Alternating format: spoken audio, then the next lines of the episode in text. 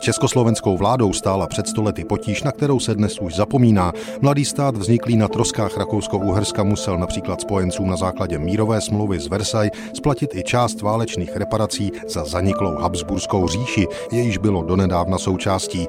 Vláda o tom vydala prohlášení, ve kterém například stojí toto. Mírová smlouva ukládá Československé republice povinnost převzíti za A. Onu část rakouských a uherských dluhů, jež jsou zajištěny na železnicích, dolech a salinách, které jsou na území republiky. Za B. Z ostatního fundovaného dluhu bývalé monarchie část úměrnou daňové poplatnosti zemí tvořící nyní Československou republiku. Předválečný dluh rakouský a uherský činil podle stavu koncem června 1914 okrouhle 20 miliard korun. Část, kterou bude nucena Československá republika podle mírové smlouvy přejmouti, odhaduje se přibližně na třetinu, to jest asi půl sedmé miliardy korun. Československá vláda ale musela v září 1920 řešit i československé dluhy vzniklé ještě předtím, než vůbec Československá republika vznikla.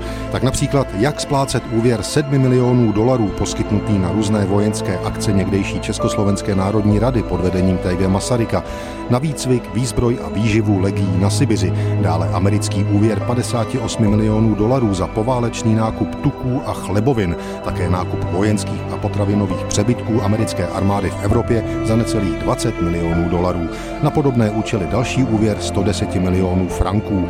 Nutno bylo také mimo jiné splatit úvěry Francii, která vyzbrojila československé legie na svém území za 200 milionů franků. Dluhů tedy bylo dost. A to nebylo všechno. Vládní dokument také uvádí, že Československá republika je na základě mírové smlouvy nucena přispěti do reparačního fondu částkou 750 milionů franků ve zlatě. 11. září 1920 se ale na konkrétní podmínky této platby ještě čekalo. Jak je ale vidět, Československá republika 28.